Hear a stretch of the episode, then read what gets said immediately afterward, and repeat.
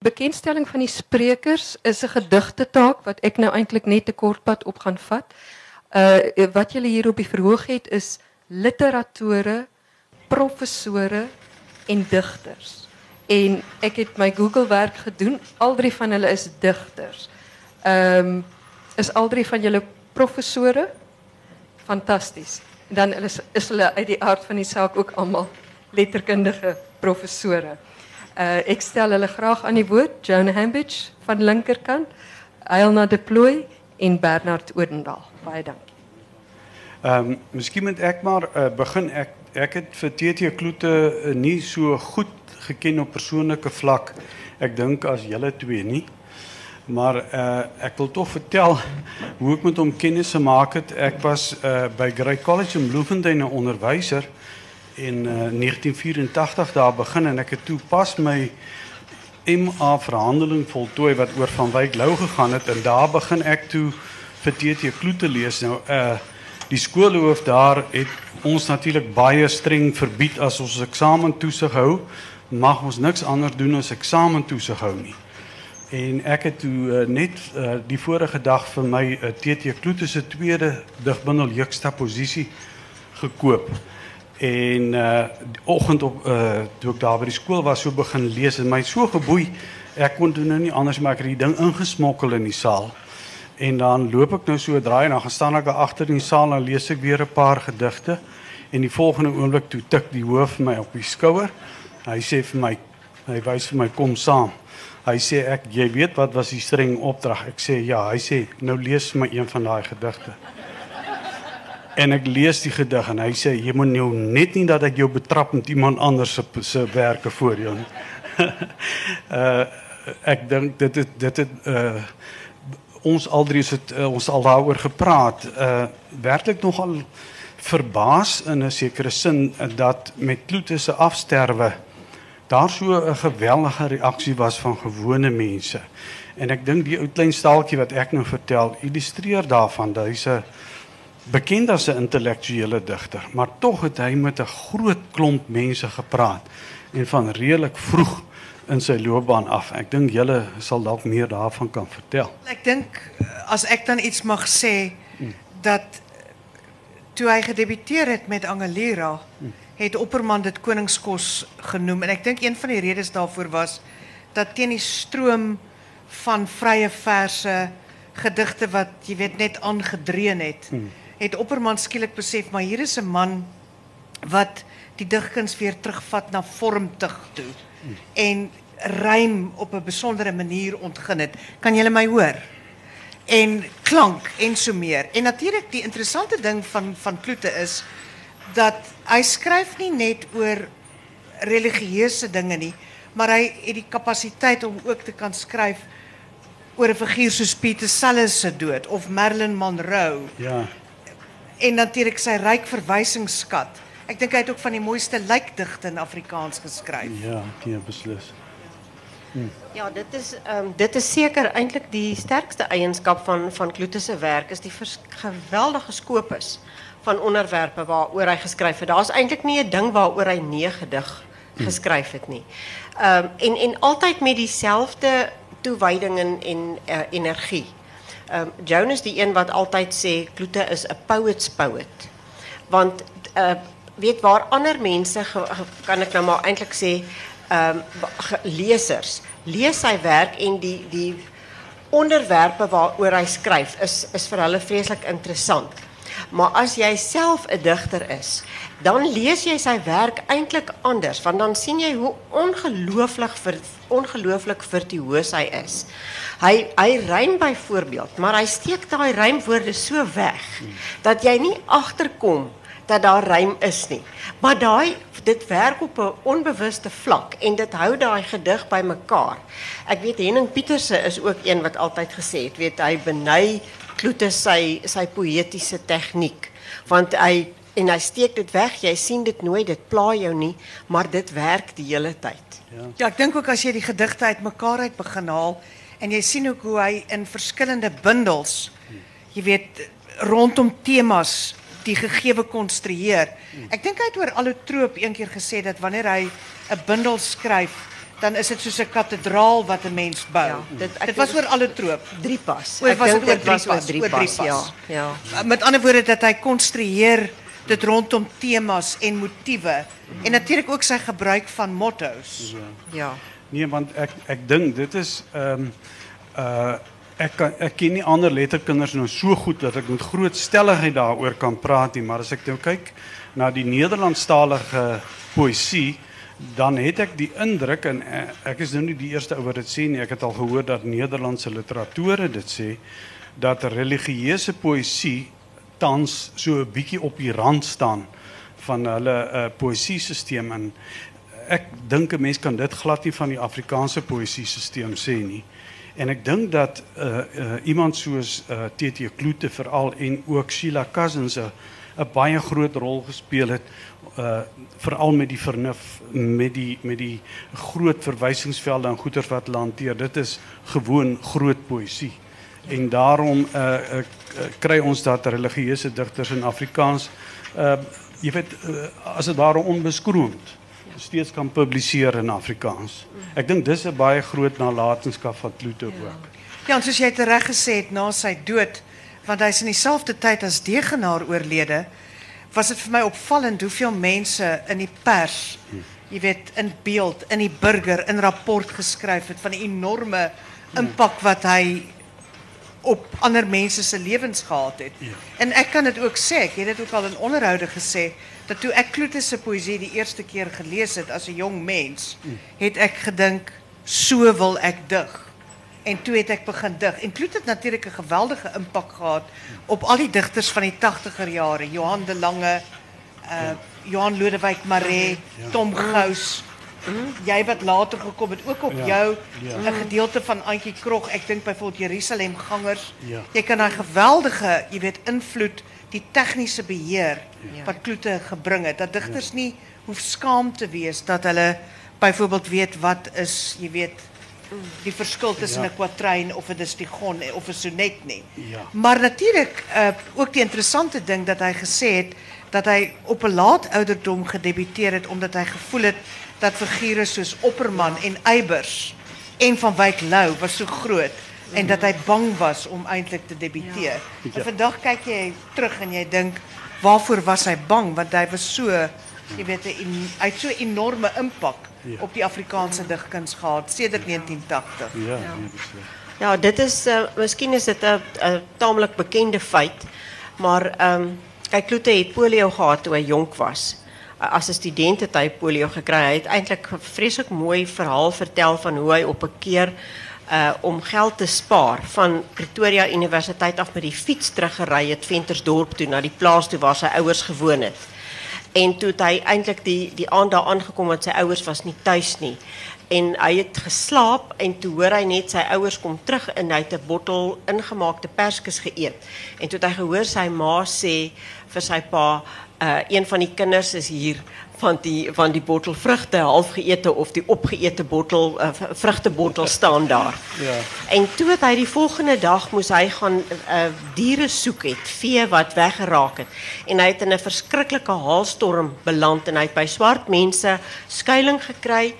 Uh, en toe is hy huis toe en daardie nag het hy siek geword.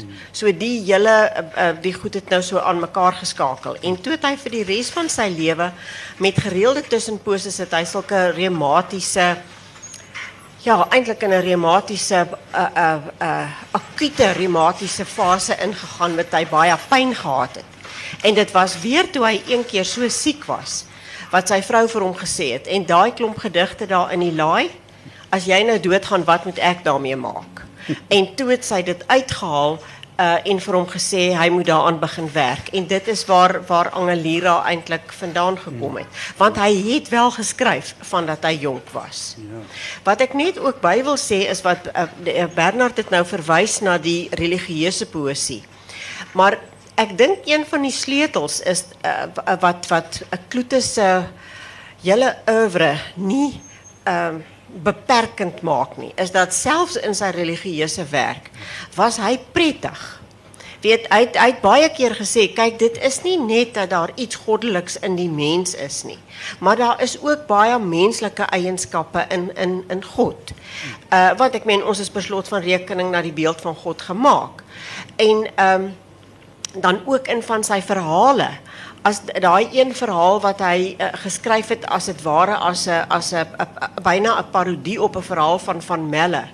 Waarvan van Melle se verhaal gaan oor 'n uh, oom Diedrik wat moet leer om te lag want oom Diedrik was vreeslik ernstig. En dan kan hy nie doodgaan nie want uh, hy hy droom dan en dan is daar elke keer 'n engel wat vir hom sê uh, uh, weet wat hom by 'n hek deurlaat maar eintlik moet oom Diedrik teruggaan na die lewe toe want hy moet gaan leer uh, om te lag omdat hy so verskriklik um, Nee, wag bietjie, hy moet leer om te huil. Oom Diedrik moet leer om te huil. Diedrik leer om ja, te huil. Want oom Diedrik was so dapper. Dis reg. Oom Diedrik was so dapper oor die Anglo-Boereoorlog en oor die rebellie en alles. So hy moet leer om te huil. En toe skryf Kloete 'n verhaal Dr Diedriks en Dr Diedriks was weer was so 'n somber man. En dan het hy gaan hy ook so deur die hekke, maar dan stuur die engel hom terug omdat hy moet gaan leer om te lag. Want omdat lag so goed is. En uh, dan ook met die, met die werk aan die psalms was dit natuurlijk ook uh, altijd baie vermakelijk. Ons was zo'n klein komiteetjie wat saam met hom gewerk het uh, uh, in Potchefstroom. En daar was dit was regtig baie prettig. Want al die woordspelings en goed wat daar uitgekom het, het ons het dit ook opgeskryf. Ons het so 'n uh, idiotikon aangelê vir al die snaakse goed wat daar uitgekom het. Ja, ja en en uh Jy weet hy het nou psalms berei, maar ek onthou vroeg in 2015 was ek saam met uh, enkele mense by hom aan huis en toe vertel hy dat hy die dag voordat hy 90 geword het, dis nou 31 Mei 2014 het hy 90 geword. Het hy nog in sy kar geklim en toe ry hy tot daar so noordwes uh, van Potchefstroom tot by die Klerkskraal dam. En toe draai hy weer om en toe ry hy nou al met die mooi rivier langs terug Potchefstroom toe. En hy sê dit was so 'n pragtige dag en hy dink dat die hy wat nou al deur in die jare in die 1970s het die dokters nou eintlik al gesê het nie meer lank om te lewe nie. En hier word hy nou môre 90 en hy sê en hy begin toe sing Psalm 100. Maar hy sê hy sing toe nou nie sy eie bereiming nie. Hy hou by die een van Tosius want hy sê dit pas by hom want hy het groot geword daar op die plaas soos jy nou vertel het in Vredefort distrik juis in die tyd toe Tosius besig was met die Psalm bereimings daar op Potchefstroom.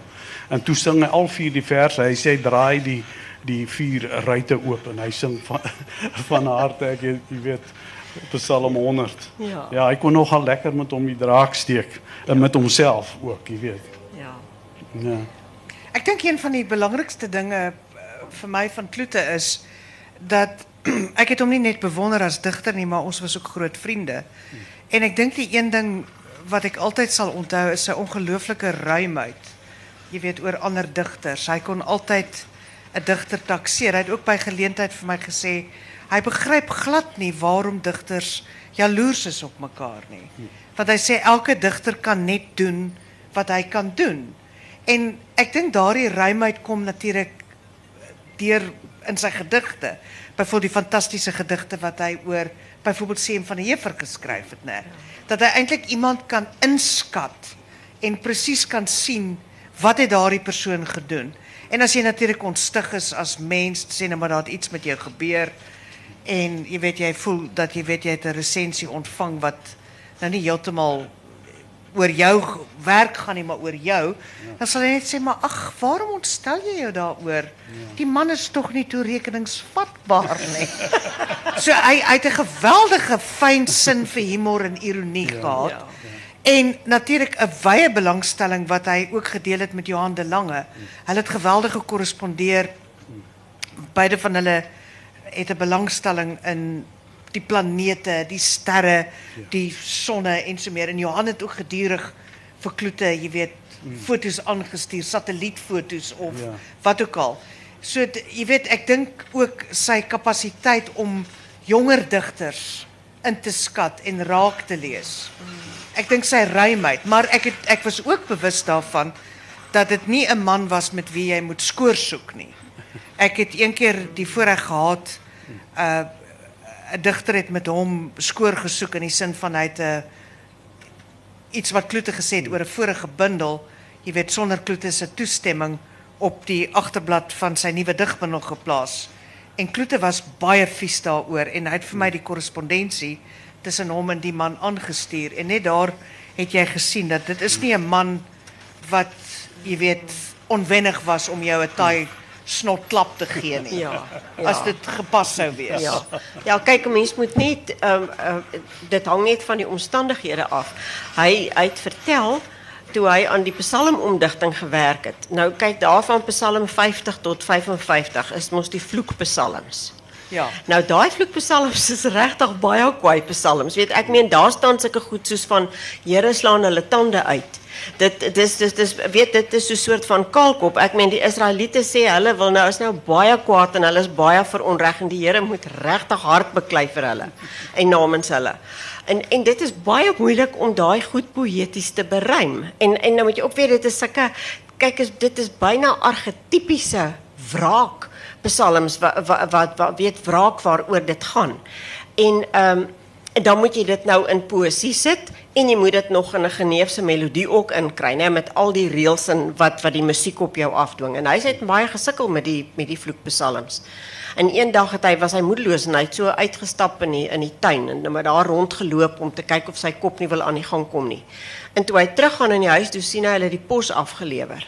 En hy gaan haal toe die pos uit en toe is sy belastingaanslag uh, in die pos. Hy sê toe die son daai aansak, toe is daai vloekpsalms klaar.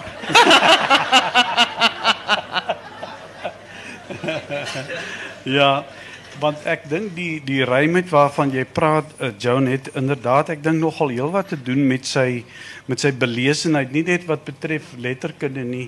Ek meen sy belesenheid is regtig eintlik uh legendaries. Uh, uh, uh, ek uh, onthou ontstelheid was een keer vertel hy dat ehm uh, hy enkele weke daarvoor, dis so 2 jaar ge, uh, gelede dat hy 'n uh, 'n uh, uh, boek van 'n Spaanse uh, liberale filosoof Ortega y Gasset het hy gaan uh, uitneem en dis 'n uh, Nederlandse vertaling van 'n 'n bundel filosofiese essays van Gasset gewees en uh met dit gaan oor bespiegelinge oor uh, liefde en lewe ek dink was dit gewees.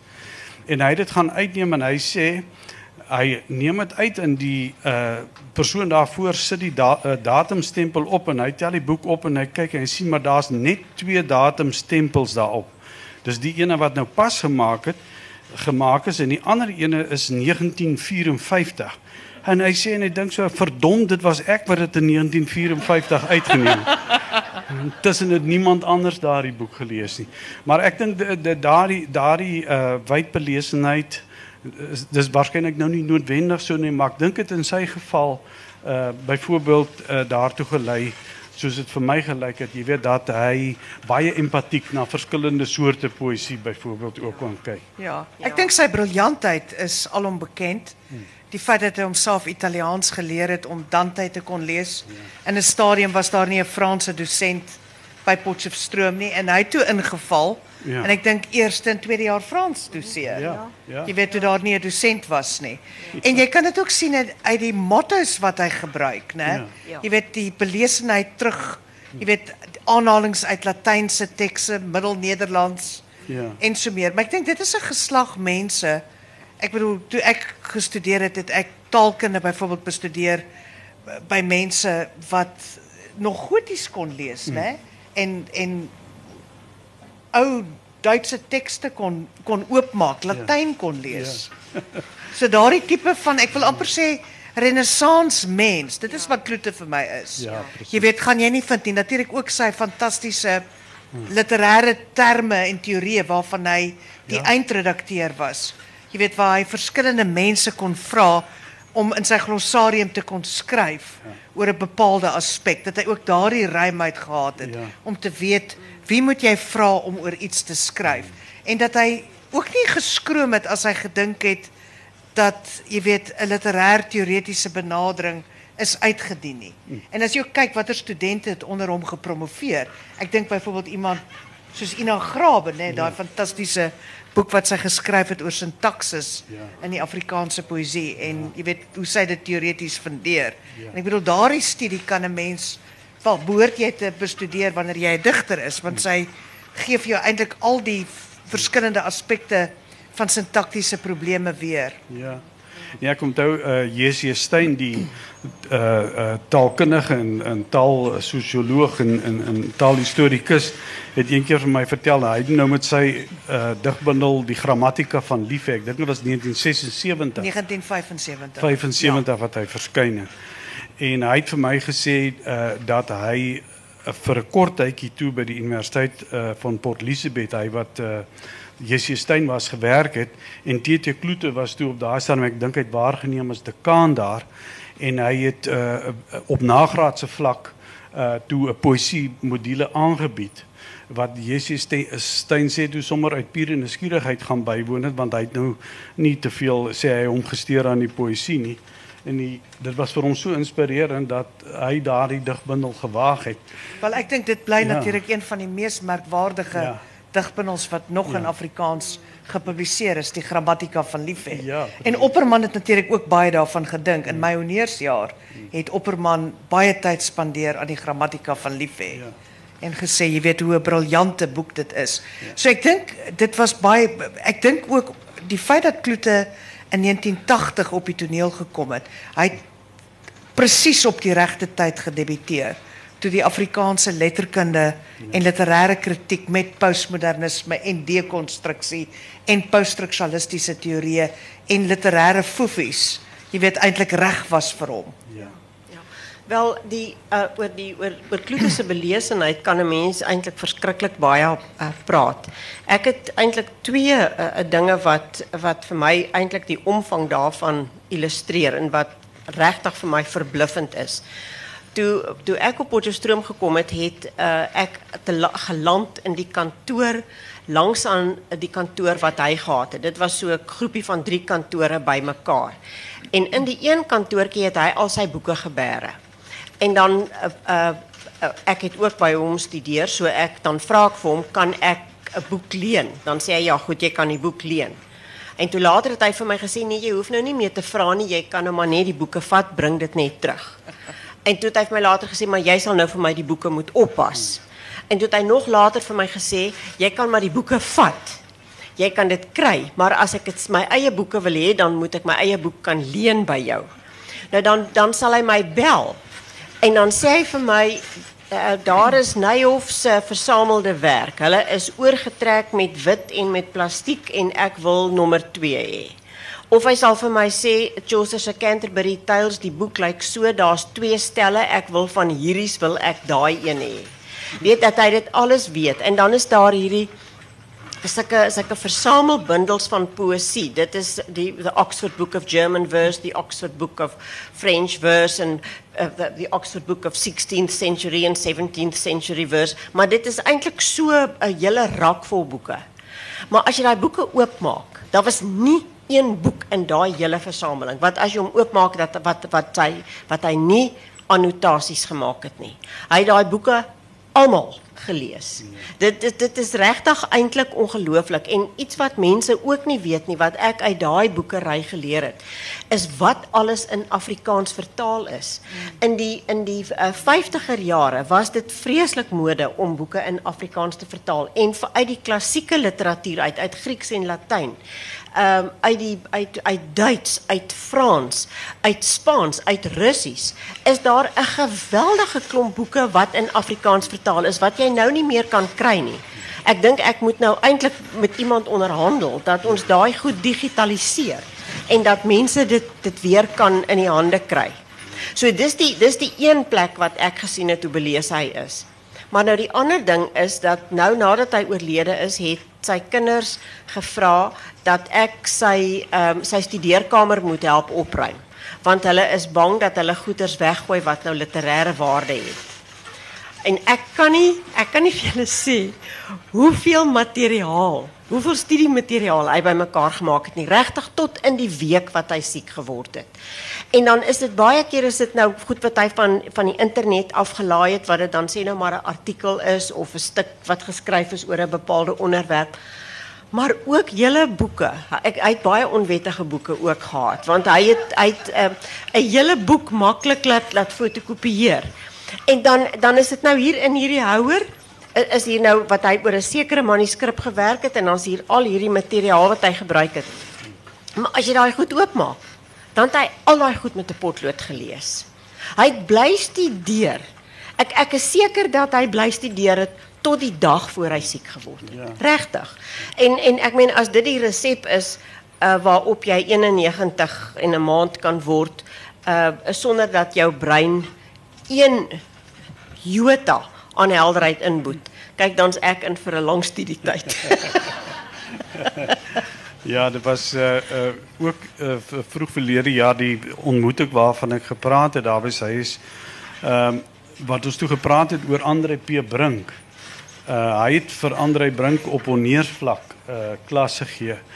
En uh nou praat hy oor Andre P Brink. Hy sê hy was soos 'n kennisspons. Uh Brink en Gerard Dekker wat toe die professor in Afrikaanse Nederlands nog daar was by uh by Potchefstroom by die universiteit.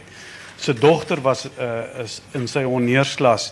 Hy sê en dan uh vind die lesing nou plaas en dan hy wat uh, kloete is noem nou boeke en verwys na allerlei bronne. Hy sê so seker soos klokslag die volgende keer as hulle ontmoet het, Brink al daai boeke wat hy genoem het gaan lees en dan wil Brink met hom nou gesprekke voer oor daardie boeke. Hy sê dit was so 3 weke was hulle weg. Toe kom Gerard Dekker se dogter toe sê sy sy dink sy gaan liewer hierdie module volgende jaar neem want sy kan nie byhou by hulle twee. ja. so belesenheid nie. Ja. ja. Maar dan wat wat ook so ehm um, aantreklik was van van TT Kloete is dat hy was sy menslikheid. Het, hy het so graag gekuier by mense. Baie keer as studente nou oor sy werk 'n referaat of 'n skripsie of iets moet doen dan sê ons vir hulle maar bel hom, maak met hom 'n afspraak, gaan praat met hom. En dan kom daai student terug en dan sê hulle het nou gedink hulle gaan so vir 'n uur gaan, dan kuier hulle die hele middag daar totdat dit donker is. En uh, ek sê altyd vir my was een van die wonderlike dinge van hom was dat hy 'n man was vir wie jy blomme kon gee daar's min mans wat ek meen mense kan natuurlik vir alle mans blomme gee. Uh maar dit is nou nie altyd so seker of die mans dit nou so verskriklik gaan waardeer nie. Maar vir Kloete kon jy blomme gee. En hy het gesit altyd op 'n hoë houtstoel gesit want hy wou uit hoog gesit dat dit was vir hom gemakliker. En dan staan hierdie blommende potplante die hele plek rondom hom vol. En op sy stoepie buitekant ook. Net so terloops, hy hy het omtrent op iets soos 88, 889 het hy uit by sy seun hulle gebly in 'n stadium nadat sy vrou oorlede is. Maar toe het hy by hulle uitgetrek want hy het gesê dit is vir hom te benou en toe het hy weer op sy eie gaan bly. Ehm en en op sy stoepie was dit net al hierdie blommende goed. En sulke klein windharpies wat allerlei soorte geluidjies maak. En as jy vir hom blomme gee, dan dan rapporteer hy terug. Dan sê hy hierdie lelies wat jy gebring het, het nou twee knoppe oop gegaan of hy bel jou weer en hy sê uh hier is nou soveel knoppe oop of hy skryf vir jou 'n e-pos. Nou, jy weet dit is dit is iemand wat uitgereik het na mense, wat baie vriende gehad het, wat baie mense gehad het wat vir hom lief was, maar dit was omdat hy hom beskikbaar gestel het, omdat hy uitgereik het na mense.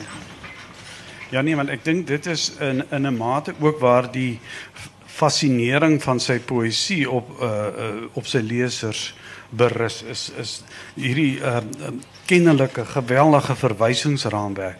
Maar aan die ander kant uh weet hierdie uh innemende menslikheid wat 'n mens bewaar. Dis nie 'n intellektuele soort poësie wat jou hart vervreem jy is ehm um, en ook wat betref jou gemoed kan jy nie anders as om betrokke te raak nie want hy het daai wonderlike vermoë gehad om al hierdie kennisverwysingsveld en die uh noem dit dan nou maar die gevoelslewe uh uh saam te trek in daardie posisie, né? Ja. Hy kon ja. altyd goeders bymekaar uitbring wat oënskynlik niks te maak Ja. met mekaar het nie. Ja. Ek dink byvoorbeeld aan daardie pragtige gedig wat hy geskryf het oor die papegaaitjie nê, Ja. wat hy dan sien asof hy 'n gimnas is. Ja. En skielik kyk jy jy kyk nooit weer na 'n papegaai anders Ja. as as om te dink dat hy een of ander Olimpiese gimnas is nie.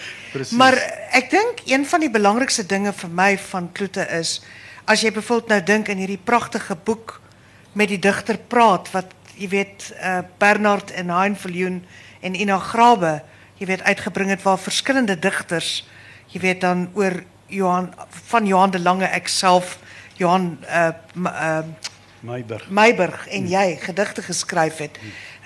Is dit baie interessant om te sien watter aspekte elke digter, jy weet, in kloete raak sien. Jy weet jy ook. Uh en dit verraai natuurlik altyd iets ook van daardie persoon. En ek onthou een aand sit is ek in 'n gastehuis in Hermanus en daar in die nag, jy weet, mens raak mos nou maar so 'n bietjie moeg in die aand as jy nou so 'n bietjie naweek hou daar in Hermanus. en daar is toe luister ek toe op die internet. Nee, dit was nie dit was 'n Dinsdag aand, dit was 'n direkte uit uh, dit was 'n vakansie. Het Bernard Odendaal toe met 'n gesprek met Margot Luit oor oor oor kloete. En daar word toe nou gedigte uit hierdie pragt tydskrifte geesteswetenskappe, jy weet, voorgedra en so meer. En ek hoor toe nou hierdie gesprek en ek maak toe die volgende gedig wat ek met julle toestemming gaan lees Ja, nee, graag. as ek mag. Jy mag. Die gedig se naam is Icarus en dit bevat die baie belangrike motto van Auden about suffering they were never wrong the old masters how well they understood its human position Vroegdag in 'n gastehuis langs die see op Bers Burgundy te Hermanus na vers en klank luister ek met verse vir die digter van die juxtaposisie en eie soortige idiolek. Teen die muur 'n skildery so reg uit Miro. Na links 'n skynsel uit 'n modieuse lamp. Jy vra my of ek die see kan hoor. Bo die oseaan magtig en onmeetlik bo die gedruis by die hawe muur net buite sig klink die kreet op van 'n jong seun wat gly en val. Het enige een dit gehoor? Sy naam word dalk vir ewig op 'n plaket. Die voordragstem verduidelik wat 'n troop behels in die donker nag. Gedigte stap vir hierdie digter jambies deur die vertrek. Vir hom van die baie ryk ure in allotroop enkele weke voor sy dood. 'n Ongeleefde lewe onvervuld laat onvermydelik 'n merk. Hierdie gedig 'n letsel uit van diegene wat ongevraagd te vroeg vertrek en net deur slapeloses aan die vergetelheid ontruk kan word. Ook vir hulle wat daardie dag die forsaken cry moes aanhoor. Onvertaalbaar hierdie ellende. Ek beroep my in onmag op Orden. Nee, jy weet ek ek onthou een van die aangenaamste verrassings uh in daardie bundel juxtaposisie wat ek nou so onwettig gelees het daar terwyl ek moes toesig hou by die eksamen was die wyse wa- waarop uh, religie en erotiek byvoorbeeld uh, by mekaar kom in sy poësie. En ek onthou ek het jare later met uh uh Isak de Villiers, IL de Villiers gepraat en hy was totaal afwysend. Hy het byvoorbeeld uh erotiek, jy weet, seks het hy beskou as eintlik tot 'n baie vroeë ontwikkelingsfase behorende van die menslike bestaan, jy weet. Maar by Kloete nie. Ek dink uh, uh, uh, uh, uh die dinge val hoewel hulle lyk jy weet asof hulle teenoor mekaar kan staan in bepaalde opsigte, soos baie ander dinge in die skepping val dit vir hom in sy lewensbeskouing en daai wyd belesenheid waarvoor ons waaroor ons gepraat het, val my daarmee saam.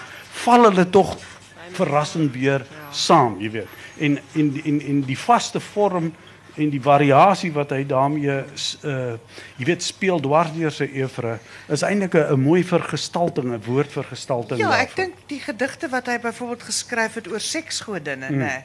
Of daardie fantastiese gedig oor Peter Sallis, nê, Ja, ja. wat hy so kyk na hierdie begrafnis, jy weet Ja. hierdie skouspel. En natuurlik dan, jy weet wat hy amper, jy weet die vraag vra, jy weet aan wie behoort hierdie man se siel? Aan God of die duiwel, jy weet en hy hy speel 'n spel met die met die met die leser, met die kyker, want jy moet Pieter Sallis ken. Jy moet ook weet dat Pieter Sallis was in Kloete se verwysingsveld een van die grootste komediante wat ooit geleef het. Ja. En daarmee gaan ek volledig akkoord. En dit is natuurlik ook die sleutel vir die verstaan van die gedig is dat Pieter Sallis was 'n verkleermannetjie, net soos wat Kloete dit is, Ja. né? Kloete kon verskillende personas aanneem. Jy weet, hy het ook vir my byvoorbeeld vertel hoe hy toe sy dogter, sy jongste dogter Tia drama gestudeer het. Jy weet dan sal hy nou byvoorbeeld ry in die middag van die werk af terug en dan stap Tia nou daar en dan sal hy nou uh jy weet vir Tia s- sê Hoorie meisiekind, dan maak hy nou asof hy nou 'n vreemde man is wat by haar aan lê en dan speel sy nou jy weet saam terug en so aan. Hmm. En Deborah Steinmer het een van die mooiste huldeblyke oor Kloete geskryf. Jy weet na sy dood wat sy eintlik ook gewys het op sy speelsheid. Jy weet dat hy was nie net ek dink dit maak my altyd so vies want vir baie Afrikaanse literatore is Kloete hierdie Jy weet hierdie stroewe Potchefstroomse digter wat net besig was met psalmberuimings en onthou jy daai een simpel stuk wat ook in die burger verskyn het. En dan dink jy net you missing the point completely. Hierdie man is so kompleks, hy's so vlakkig. Jy weet hy kan skryf oor Marilyn Monroe. Hy kan die skoonheid raak sien, jy weet van 'n klein muurtjie. Hy kan ander digters na waarde skat en inskat. Hy kan kwaad wees. Hy kan standpunt inneem. Ek dink een van die beste, jy weet, polemiese stukke wat daar oor die stand van universiteitswese verskyn het in beeld is deur hom geskryf, né?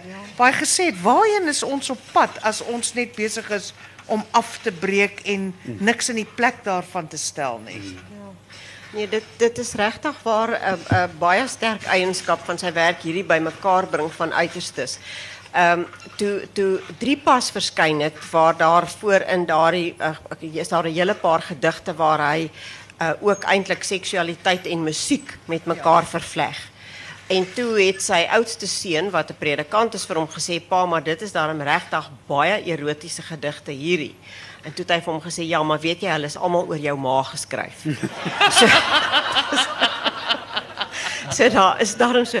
En en dan die die die die wonderlikheid is dat hy byvoorbeeld met die Marilyn Monroe gedigte spesifiek het hy eintlik 'n hele tradisie begin want daar is nou regtig 'n groot versameling Marilyn Monroe gedigte in Afrikaans. En dit het begin met Marilyn Monroe foto in blou wat gaan oor die foto waar sy op daai groot pou 'n stoel sit. Um, met stilte, né? in in in in volstrekte stilte in volstrekte stilte. Met um, met baie klein kleertjies wat baie passende kleertjies. En so en dan noem hy nou hy noem ook nou maar eintlik die ding by sy naam. Uh maar daarna ook met die foto in rooi, die gedig wat wat geskryf is na die uh foto's van Marilyn Monroe toe sy nog eintlik baie jonk en onbekend was. Wat beskou is as pornografie in tyd. Ja, want daardie foto's is geneem deur Tom Kelly en sy het na die fotograaf toe gegaan en sy het geld nodig gehad, Marilyn Monroe.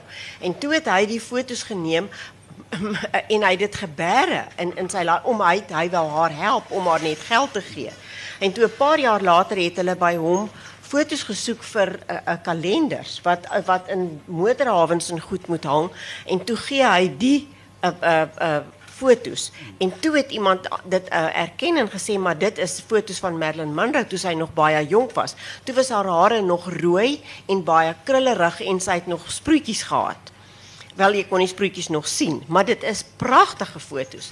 En in daardie gedig vergelyk Kloete haar eintlik met met Beatrice Ja. van uh, van van Dante. Ja. En en hy noem haar hy noem haar skoonheid, noem hy eintlik liggaamlike intelligensie. Hy sê sy somaties intelligent. Ja. Wat 'n wonderlike manier is om na skoonheid te kyk, want dit is dit is 'n gawe.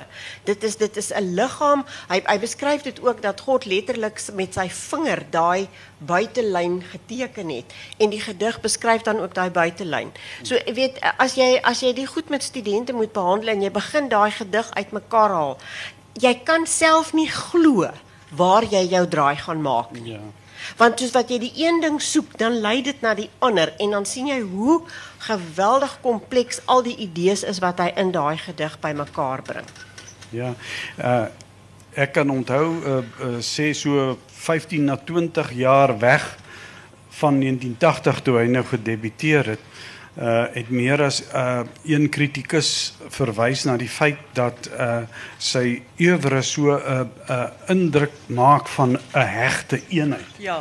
en dat mense gesê het ja dat ehm uh, dis dit waarskynlik te doen met die feit dat hy so laat in sy lewe gedebuteer het met 'n lang geskiedenis vooraf as literator en kritikus en so aan maar ehm as jy tog na die bundels gaan kyk soos wat uh, Marius Kraus nou onlangs gedoen het in 'n artikel wat in daardie tydskrif nommer wat jy daar in jou hand het verskyn toon hy byvoorbeeld uh op 'n ander aspek van Kloete uh sy uh houding teenoor die swaar kry mense in ons land Ja. uh die versaaktes Ja. uh deur die, ook deur die nuwe bedeling die armes en versaaktes en dan uh ook byvoorbeeld merk 'n mens sê maar van drie pas uh af merk jy ook al hoe meer dat hy begin skryf oor Afrikaans Ja. en Ja. oor Afrikaanse mense se lot en so aan. En uh, wat Marius baie mooi aandui is dat waar jy nog in daai vroeë bundels van hom uh indruk kry dat hy so 'n bietjie uh jy weet 'n intellektuele westerse afstandelikheid het teenoor die swaar kry mense in ons land dat hy met ander woorde na hulle kyk as die ander. Uh is daar algaan in hierdie later bundels van hom jy weet 'n diepe empatie wat spreek 'n diepe vereenselwiging eintlik met met die wat swaar kry. Dis vir my baie interessant ek- uh om na daai Ek dink aspek dit is te dit kyk. is baie belangrik. In een van die laaste gesprekke wat ek met hom gehad het, het hy ook vir my gesê dat hy besig en jy sal dit beter weet as ons almal, dat hy ook 'n bundel nou oor Afrika het. ja. En die bundel weet ek was ek dink ook al voorgelê aan 'n uitgewer. Ja. En en hy het vir my gesê dat hy hy het nogal jy weet groot waagstukke aangepak met die bundel. Jy weet dat hy dinge gesê het en Johan de Lange het byvoorbeeld van sy gedigte opgekoop uit sy boedel en toe vir my 'n boek persent gegee, die boek wat hy besit het oor Nefertiti. Ja, Jy weet wat natuurlik wys ook dat hy 'n ongelooflike belangstelling gehad het in skoonheid en so meer. Maar ek dink stilisties uh is die impak wat hy as digter gehad het op 'n hele geslag na hom. Jy weet ek dink kanonisering kan jy altyd verstaan wanneer jy 'n digter sien wat op 'n bepaalde tyd debuteer, 'n geweldige impak het, maar sy impak word ook geregistreer op die tradisie wat na hom kom. na hom kom, Jy weet soos Breitenberg het daardie impak ook gehad Ja. en. Opperman ook, né? Ja, natuurlijk. Opper daar het 'n hele reeks digters soos Opperman probeer skryf. Ek dink die die die digters wat met Kloete in gesprek tree, jy weet ek wil amper sê Kloete was 'n baie heilsame invloed op die Afrikaanse digkuns. Na die 70er jare se gedigte wat nog kant nog wal gehaal het, behalwe natuurlik vir Stokkenstroop Ja. En natuurlik jy weet krog. Maar vir my was die was die die 80er jare en dit is ook ironies dat Kloete hierdie hierdie hierdie punt hierdie afsnypunt begin het in 'n tyd wat polities ook baie ingewikkeld was. Ja. En ons gaan nou weer deur 'n ingewikkelde politieke jy weet stelsel en dis altyd interessant daardie uitspraak van Kloete, né? Die poësie laat hom geld met 'n deli- delikate geweld, né? Reg. En en dat die digter is ook eintlik besig soos die opstandeling met 'n stuk geweld, maar Ja. dit is geweld in, op 'n ander manier. En ek ek dink nie 'n mens het eintlik genoeg woorde om jou skatpligtigheid as 'n jonger digter Wel ek is nou nie meer so jonk nie, maar nou ja, anyway. As 'n as 'n 'n nakomeling van Kloete. 91 is ons nog bloedjong. Ja, nee, die, die maatstaf het 'n bietjie verskuif. Ja, maar maar ek dink die die geweldige impak wat hy gehad het op die digkuns en op 'n geslag daarna moet nog ek dink iewers in 'n studie volledig verdiskonteer word. Is ek reg? Ja, nee, ek dink Iemand behoort daaroor 'n doktorale studie aan te pak. Ek sien hier is twee van my studente hierso vanmiddag en ek um, sal beslis die een wat 'n groot kloetekenner is op die pad begelei vir so 'n PhD of 'n MA. Maar die die wonderlike ding is ook natuurlik dat hy het ook werklik poësie gesien as 'n as iets wat kan heel.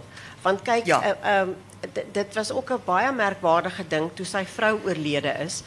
Ehm dit was vir hom 'n geweldige slag want die ding is sy was sy eerste leser. En uh, dit, dit sy het 'n verskriklike belangrike rol gespeel in sy skrywerskap.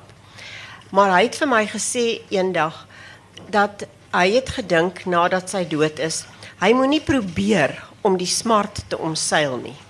Hy moet daardeur leef. Hy het gegaan, hy het in die middag het hulle graag uitgery. Dan ry hy na al die plekke toe waar hulle saam was. Hy sê dit het hom gevoel dis die manier waarop hy haar moet eer en respekteer is om alles wat hulle saam gedoen het weer te doen om dit alleen te- beleef en haar dan daarmee te onthou. En uh ek ek dink altyd so vir myself, ek hoop so ek onthou dit as ek eendag deur 'n groot hartseer moet werk. Uh maar hy het toe begin toe sy siek geword het, het hy begin om vir haar briewe te skryf. En hy sy het die briewe nie alles gelees nie want sy was later te siek en uh hy het aangehou om vir haar briewe te skryf selfs nadat sy dood is. Die briewe gaan nou ook gepubliseer word. Dit is besig om afgerond te word om om ook gepubliseer te word. Maar daardie uh dit was vir hom 'n absolute natuurlike ding om dit wat hy beleef in woorde te verwerk. En ek dink daardie een gedig wat hy geskryf het oor oor smart. Die gedig se naam is Stilhuil. Dink ek is een van die totaal ongelooflikste gedigte Ja, in absoluut in enige taal. Daar is nie jy kan nie jy kan net nie 'n beter manier kry om daai totale ervaring te beskryf as as in daardie gedig nie. Want ek meen dit kom nou lank pad nê want ek meen hy het al in daai penkop hoor meer as een stem het hy gesê hy eindig die gedig ons hy sê as jy so skryf skryf die dorings van die Turksvy afvryf. So dit is eintlik weet waaroor dit gaan. Maar ek dink nou daar is tyd vir die nou vrae. vraatyd. Baie dankie, dit was baie interessant. Vrae uit die gehoor?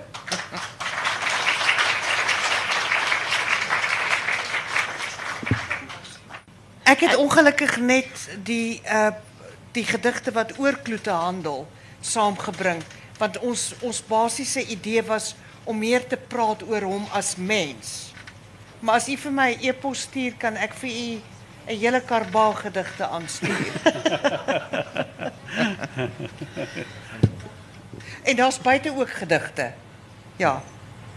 Goeie. Eh, Ek wil praat oor teensloete gedebuteer het. Ek het hom in 1964 by die Universiteit Port Elizabeth leer ken.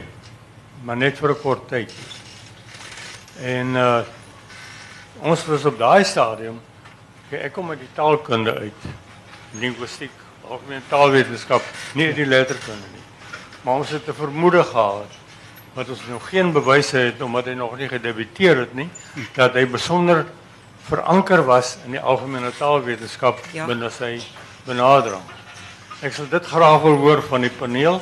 As ek reg as ek dit sê, dan moet ek net vir u vertel hoe dit gebeur. En Ek dink uh, professor uh, De Plooi, né, dit uh, in haar huldigingsblyk 1 Augustus 2015 in die beeld genoem dat hy algemene taalwetenskap ingestel het. Mm. Dit was nie so nie. Ek was daai vergadering was ek daar en aan my taak gestel om algemene taalwetenskap by wyse van 'n memorandum aan die senaat van Port Elizabeth voor te stel. Wat ek gedoen het. Maar ek het 'n fout gemaak om die volgende te sê. Ek het gaan trap op die tone van die letterkundiges daar. Ek het gesê as jy oor as jy 'n werklike geslaagde letterkundige wil wees, dan moet jy jou veranker in die algemene ja. taalwetenskap. Ja. Dit was uh, fout. Want professor Davies van Engels, Ja. hy het opgestaan en my verskriklik aangeval. In die mooiste Engels wat ek in my lewe gehoor het. Ek was nog nooit so skaflik en beskaafd beledig nie. en toe hy klaar gaan sit het, toe bars uit van die lag. Toe sê ek nee. Hierdie voorlegging het geen kans. Er staan teen sloete daarvoor op. En hy sê ek steun hierdie man volledig. Ja. En dis hoe die algemene taalwetenskap ingestel is 1965. Ja. En die eerste professor was EB van Wyk. Ja. Ja. Hy is toe in 1970 daar weg. Jy onthou die uh, probleme rondom die personeel en die rektor en hy het hom geaansluit by RI. Ek wil net dit in die middel lê Ja. en ek wil weet of daar dalk gevorder is met die prosodie van taal in die in die Afrikaanse letterkunde. Jy weet, as jy uit die swart uh, Afrika tale kom, dan sit jy met toon, geboortoon en geboortoon en wat se tone ook al Ja. wat moeilik is en jy sit met lengte en klem en daardie klas van goed wat nie verbeeld word in die geskrewe taal nie. En Ja. ons het baie verwagting van hom gehad op daai punt. Kan u vir my Ja. Ja, weet jy, ehm ek dink eintlik wat ek uh, waaroor dit eintlik gaan is is dat hy literatuurwetenskap. Kyk, dit was departemente algemene taal en literatuurwetenskap.